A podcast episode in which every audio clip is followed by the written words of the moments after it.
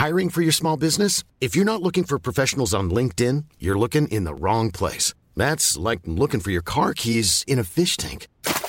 LinkedIn helps you hire professionals you can't find anywhere else, even those who aren't actively searching for a new job but might be open to the perfect role. In a given month, over 70% of LinkedIn users don't even visit other leading job sites. So start looking in the right place. With LinkedIn, you can hire professionals like a professional. Post your free job on linkedin.com slash people today. There's never been a faster or easier way to start your weight loss journey than with PlushCare. PlushCare accepts most insurance plans and gives you online access to board-certified physicians who can prescribe FDA-approved weight loss medications like Wigovi and Zepbound for those who qualify. Take charge of your health and speak with a board-certified physician about a weight loss plan that's right for you. Get started today at plushcare.com slash weight loss. That's plushcare.com slash weight loss. plushcare.com slash weight loss. Hej och välkommen till Storytime.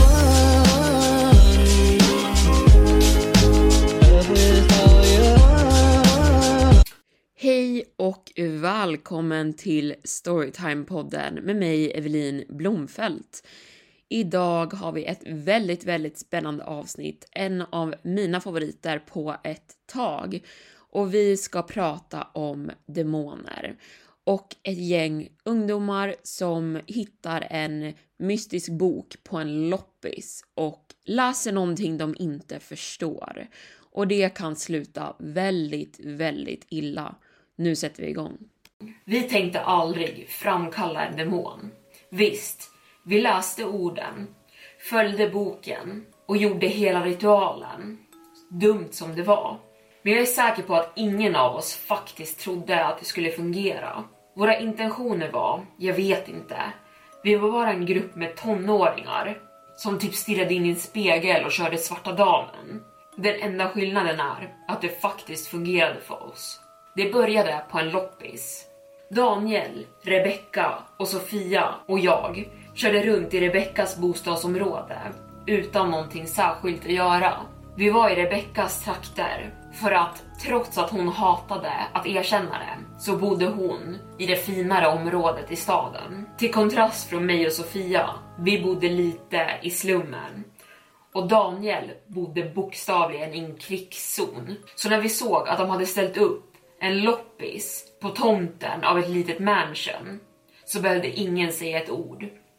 Jag visste att jag skulle stanna där Precis som vi alla visste att vi inte skulle spendera några pengar. Att snatta från rika människor var sin egen belöning vad man än gick därifrån med. Jag minns att morgonen var varm för att vara september. Himlen var klar och varje grönt träd på tomterna här var i perfekt skick. Men man kunde känna doften av det nyklippta gräset som sakta dog ut och torkade för hösten. Det var verkligen det sista av sommaren. Det var också den sista bekymmerslösa morgonen jag någonsin skulle ha igen. Roligt hur man aldrig ser de stora förändringarna komma innan de är runt hörnet. Sofia och jag pratade igen den morgonen, vilket var bra. Vi hade dejtat året före och sen gjort slut och det hade inte varit det bästa breakupet. Men vi hade spenderat sommaren på att laga sprickorna i vårt förhållande. Hon och Daniel gick längs den enorma gräsplätten av loppisen tillsammans. De lyfte upp och undersökte prylarna ett för ett.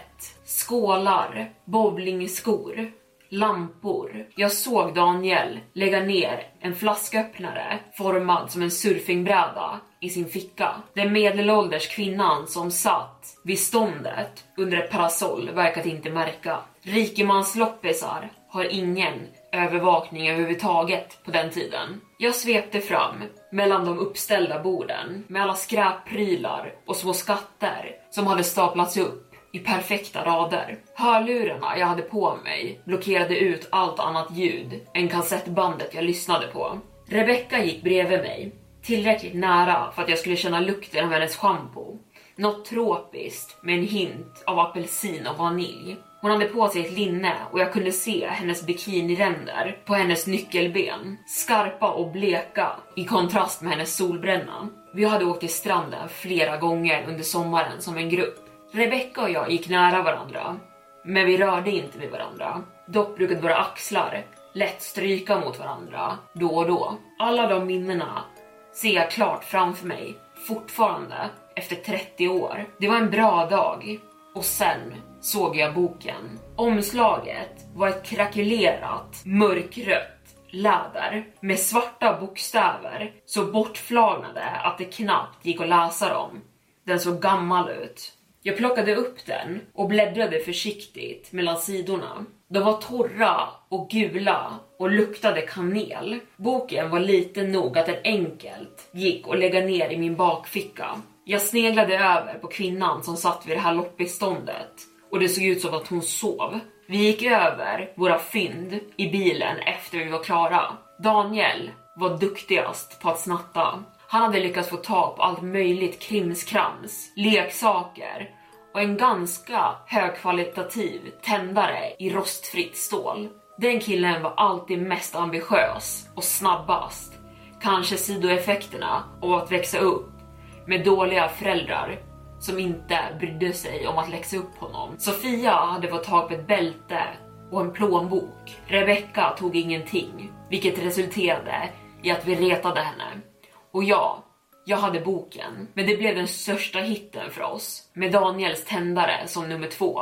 Vi tog vår tid med att studera den och gå igenom sidorna och efter loppisen åkte alla fyra till Sofias föräldrars hus eftersom att hennes föräldrar var bortresta över helgen. Vi gick igenom deras barskåp och satte oss på altanen och såg ut över skogen bakom hennes hus medan vi gick igenom min nya bok. Anledningen till att vi var så uppspelta var titeln på boken, Häxkonst. Speciellt, speciellt för att just den här boken var tillägnad demoner och kommunikation med demoner. Det fanns dussintals av illustrationer och ritningar i boken. Ingen av oss visste vilket vilket språk boken var på. Men Rebecca gissade att det var på latin eller grekiska eller något liknande. Hon sa att hon skulle kunna göra sitt bästa för att uttala orden. Tydligen hade hon gått på en fin privatskola innan någonting hände som fick hennes föräldrar att flytta ner hit till våran stad. Det var inte meningen att det skulle bli en stor grej av det hela. Bara en rolig distrahering innan vi alla blev fulla. Vi skulle starta en eld, välja en ritual i boken, grilla några marshmallows och sen dricka några eller ett dussin av öl i skogen bakom hennes hus. Jag kommer ihåg hur vinden blåste bort de sista löven från träden medans vi gjorde oss i ordning. Jag kommer ihåg hur solen gled ner under horisonten och hur skuggorna bredde ut sig runt omkring oss. Men mest av allt kommer jag ihåg tystnaden det var som att skogen höll andan. När det kommer till själva ritualen så kommer jag inte ihåg så mycket av den. Rebecca läste boken. Vi hade en lägereld. Vi hade tänt ljus. Och jag tror vi hade rökelser. Eller kanske såna här doftande blommor som vi hade tagit från Sofias badrum. De luktade och brann hemskt. Men stunden jag minns med mest klarhet är när vi i omgångar stack ett hål i vårt finger med fickkniven Daniel hade snott från loppisen. Bara några droppar av blod var, som vi sen droppade ner i elden mitt emellan oss. Det var allt som krävdes för våran dödsdom. Tystnaden efter hur vi var klara med ritualen var djupare och kallare än någonting före. Det fanns inget ljud av vinden som rasslade genom träden eller från veden på elden. Det var skymning och det fanns fortfarande lite ljusstrimlor kvar som lyste igenom träden och träffade marken. Sofia var den första som fick panik. Jag såg hennes mun röra på sig, men jag kunde inte höra vad hon sa. Och sen försökte vi alla andra att prata, att skrika. Men det kom inget ljud. Vi var ljudlösa. Under en lång minut trodde jag att jag hade blivit döv. Sen helt plötsligt kom allt ljud tillbaka och vi alla fyra var chockade men lyckades på något sätt samla oss. Vi var uppskakade men inte skadade och kvällen var saboterad men inte förstörd. Vår ritual och tystnaden hade absolut satt käppar i hjulet men vi valde att fortsätta ändå.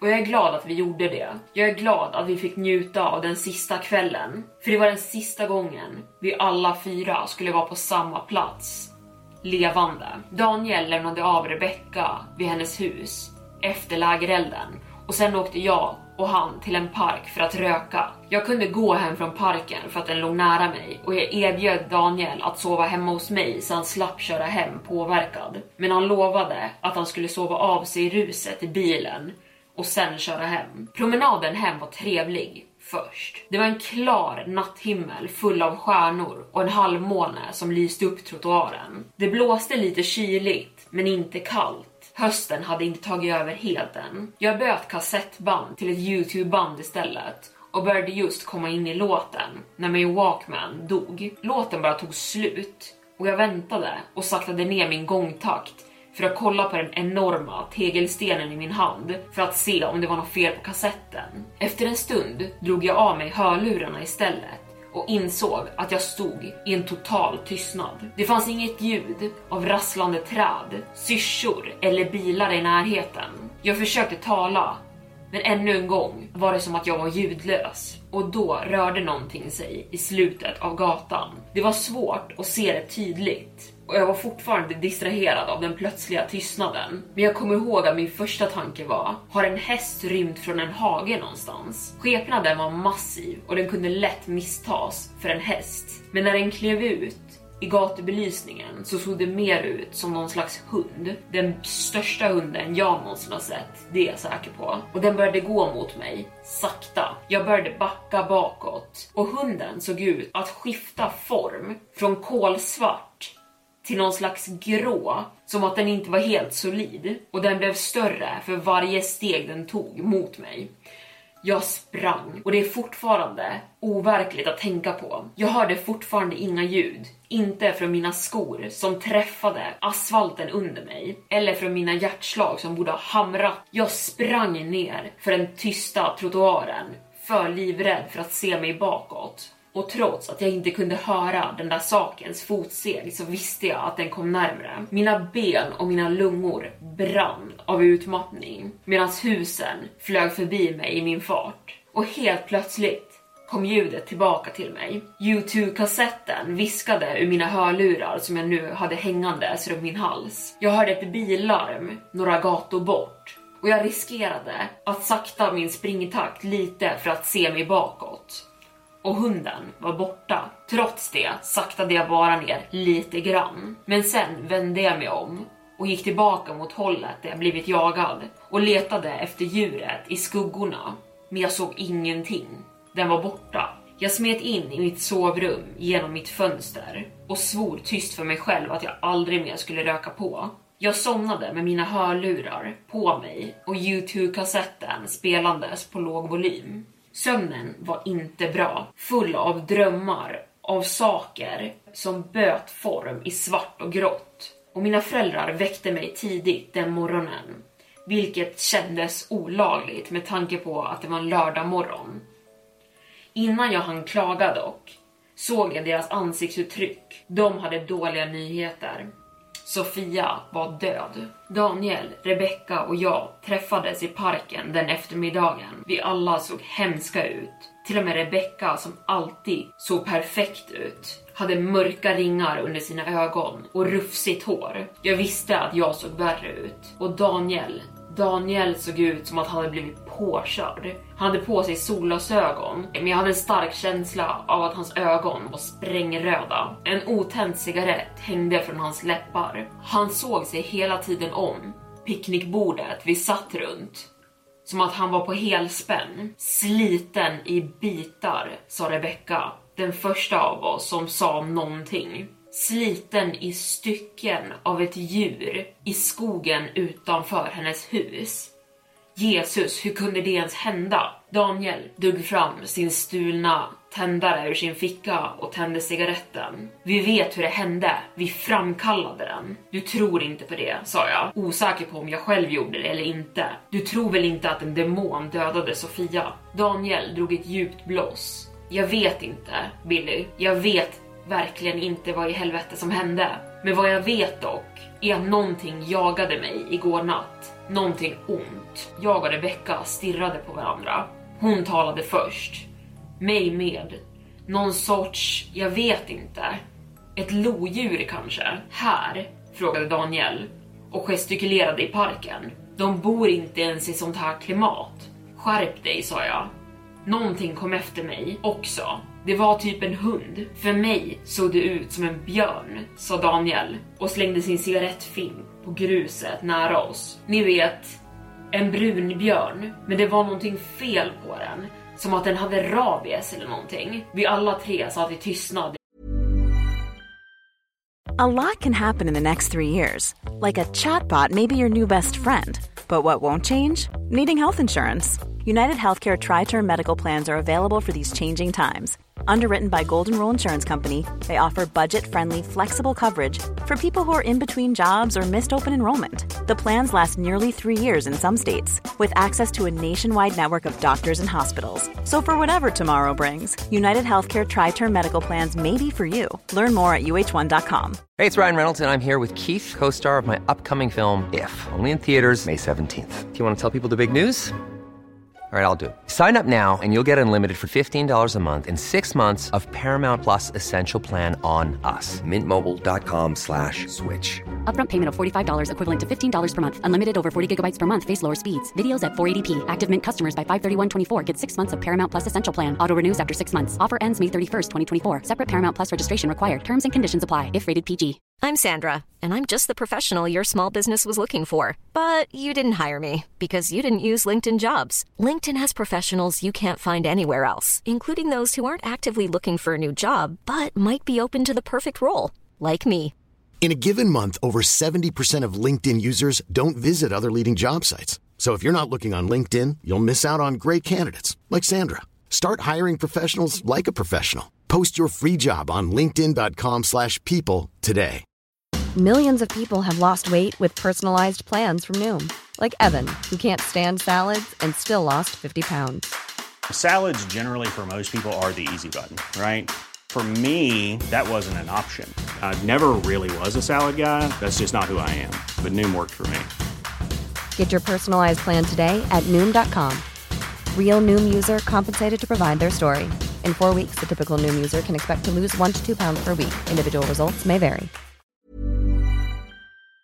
Några minuter. Och sen påminde tystnaden helt plötsligt mig om tystnaden som infallit igår innan det hände. När ni såg det där eh, djuret, började jag. Blev det tyst? Avslutade Rebecca. Det var det du skulle säga, eller hur? Daniel nickade. Tystnad. Det var som allt ljud i världen hade försvunnit. Han nickade för sig själv. Okej, det var demonen som kom efter oss. En demon tog Sofia. Jag rätade mig där jag satt. Jag tror inte Daniel höll upp en hand som för att gestikulera, låt mig prata klart. För tillfället, låt oss säga att det var någonting övernaturligt. Tystnaden är hur vi vet att den kommer attackera. Det verkar som att den kommer komma efter oss alla som var med. Som att den är kopplade till oss och den kommer efter oss samtidigt. Så varför dödade den inte oss alla fyra? Frågade Rebecca. Jag var förvånad över att hon hade fattat tag i min hand och nu kramade om den hårt. Varför slutade den efter att den dödat Sofia? Daniel stirrade ner i marken. Den kanske bara vill ha en åt gången. Kanske, kanske som en orm. Den behöver bara matas då och då. Rebecca började snyfta och jag gav Daniel en ilsken blick. Han skannade trälinjen bortanför parken. Sen lutade han sig över picknickbordet och knackade i trä tre gånger. Ni hörde det där också, eller hur? Frågade han. Vi nickade. Okej, okej, bra. Tystnaden är hur vi vet att den är i närheten. Om allt ljud försvinner så vet vi vart ni än är. Vad ni än gör. Spring. Spring vart? frågade jag. Daniel tänkte på det en stund. En kyrka, tror jag.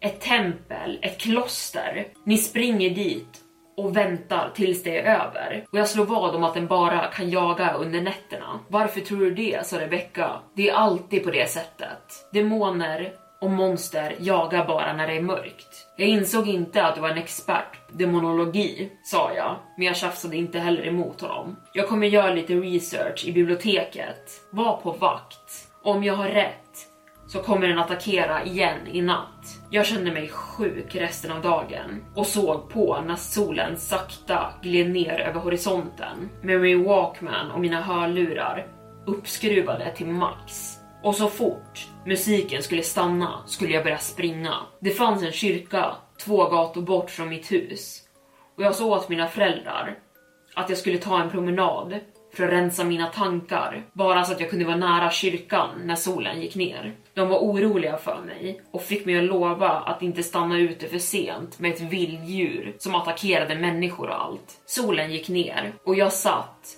på trapporna som ledde upp till kyrkan. Hörlurarna runt nacken men jag hörde fortfarande musiken. Och efter att jag suttit där i en timme reste jag mig sakta och började gå tillbaka mot mitt hus. Det var den värsta delen, delen jag inte tänkt på. Det här var delen där jag var mest sårbar. Jag rörde mig snabbt, alltid redo att vända på klacken och springa tillbaka till kyrkan om musiken stannade. Men ingenting hände den natten, bara min sömnbrist blev lite värre. Och ingenting hände natten efter det heller, eller veckan efter eller månaden efter och sen passerade flera år. Jag slutade vara på min vakt. Det blev lättare och lättare att bortförklara det som en faktisk djurattack och att vi alla tre bara hade mardrömmar. Men sen, fem år prick på dagen efter Sofias död, så slutade min musik spela. Jag satt på verandan till mitt hus och såg upp på stjärnorna på natthimlen. Natten av den andra attacken. Efter att vi tagit studenten hade Rebecca, jag och Daniel glidit isär. Rebecca åkte iväg för att studera på högskola. Daniel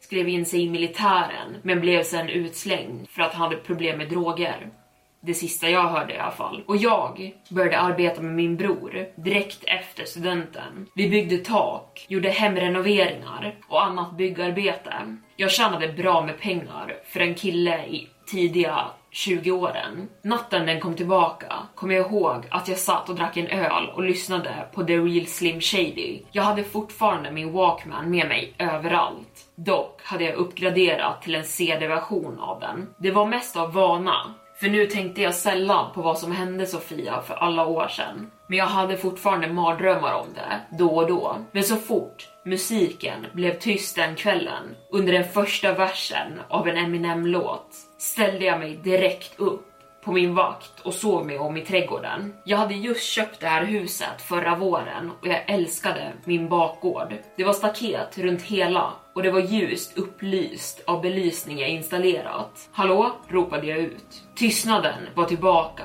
och den var överallt. Skuggor rörde sig längs sidorna av staketet. Många skuggor, pyttesmå, flög runt om mitt staket. I mitt huvud kunde jag höra surrandet av getingar trots att jag inte faktiskt hörde det. Jag sprang mot mitt hus. Varelserna tog sig snabbt över gräsmattan och flög in i glasdörren på verandan några sekunder efter jag hann stänga den. De där sakerna var som en blandning mellan getingar och fladdermöss. De hade små kroppar, men med större vingar än vanligt. Precis som hunden för flera år sedan så såg det ut som att krypen skiftade beroende på hur jag såg på dem. Ibland var de helt svarta, ibland bruna och ibland mörkröda. Det var svårt att se en solid form. Jag backade sakta undan från glaset medans de smällde in i rutan om och om igen. Sprickor formades i glaset och sen blev det som en spindelnätskrackelering i hela dörren. Jag sprang ner för korridoren i mitt hus och försökte bestämma vilket rum jag skulle låsa in mig i när de tog sig igenom glaset. Men det var då jag hörde det. Glaset på rutan sprack. Tystnaden var borta. Ändå sprang jag in i badrummet och barrikerade dörren och tog snabbt en handduk som jag stoppade under gapet mellan dörren och golvet för att de inte skulle komma in. Men efter 10 minuter utan några tecken på varelserna gick jag ut ur badrummet för att kolla skadan de gjort. Dörren som ledde ut till altanen hade nu blivit en hög av glas på hela vardagsrumsgolvet. Jag stirrade på det tills ringandet av min telefon bröt mig ur min paralys. Hallå, viskade jag medan jag såg ner mot marken. Och tack gud, en bekant röst på andra sidan linjen. Du är okej okay, Billy, du är okej, okay, eller hur? Ja, jag tror det. Vem är det här? Det är Rebecca. Rebecca? Ja, det är tillbaka Billy. Såg du? Ja, sa jag medan jag klev över glaset med min ena fot. Den var precis här. Sen blev det en paus. Jag ringde dig först. sa Rebecca. Daniel, jag fick ont i bröstet. Jag ringer honom och sen ringer jag tillbaka till dig, okej? Okay? Okej, ring så fort du kan, sa hon. Jag lovade och sen började jag leta efter Daniels nummer i min gamla kontaktbok. Det första numret jag ringde saknade abonnent. Det andra numret jag hittade ringde en stund, men ingen svarade. Jag ringde Daniels föräldrar bara för att bekräfta att jag hade rätt nummer till honom. Och det sa de att jag hade. Och att han borde vara hemma. Jag ringde samma nummer en gång var tionde minut. De nästkommande timmarna med samma resultat. Och vid laget jag ringde tillbaka till Rebecca så visste hon, precis som jag, att vi båda snart skulle åka tillbaka till våran hemstad för en begravning. De sa att Daniel hade överdoserat och de flesta människorna trodde på det, men de berättade aldrig exakt vad han överdoserat på. Kistan var stängd under hans begravning och jag föreställde mig hela tiden att han var fylld av av tusentals getingbett. De där hemska krypen hade bitit honom om och om igen, stuckit honom och fyllt honom med gift. De hade hittat hans kropp på en kyrkogård inte långt från hans hus. Jag hörde senare från en polisvän att det såg ut som att han hade kravlat sig mot kyrkan när han dog. Han visste inte ens om det här faktiskt skulle fungera med att ta sig till en kyrka. Men jag antar att det var hans bästa hopp, bortsett från att demonen tog någon av oss andra två före. Fem år mellan attacker. Fem år sedan den första lägerelden och ritualen vi satte igång.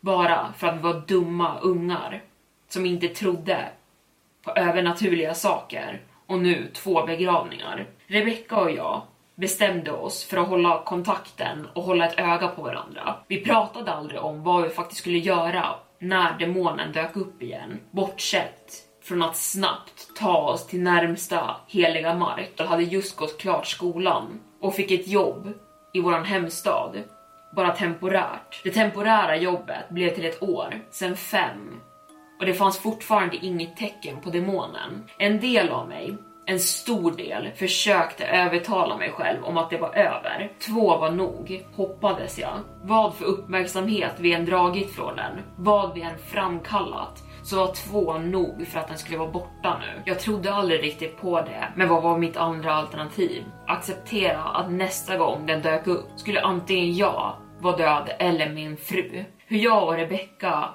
slutade upp tillsammans, trots våra bästa försök att inte förbluffa mig. Strategisessioner blev till kaffemöten som sen blev sushidejter och sen filmkvällar, några resor och sen ett bröllop, vilket var den näst bästa dagen i mitt liv. När Tia föddes så var jag orolig att jag skulle spricka av lycka.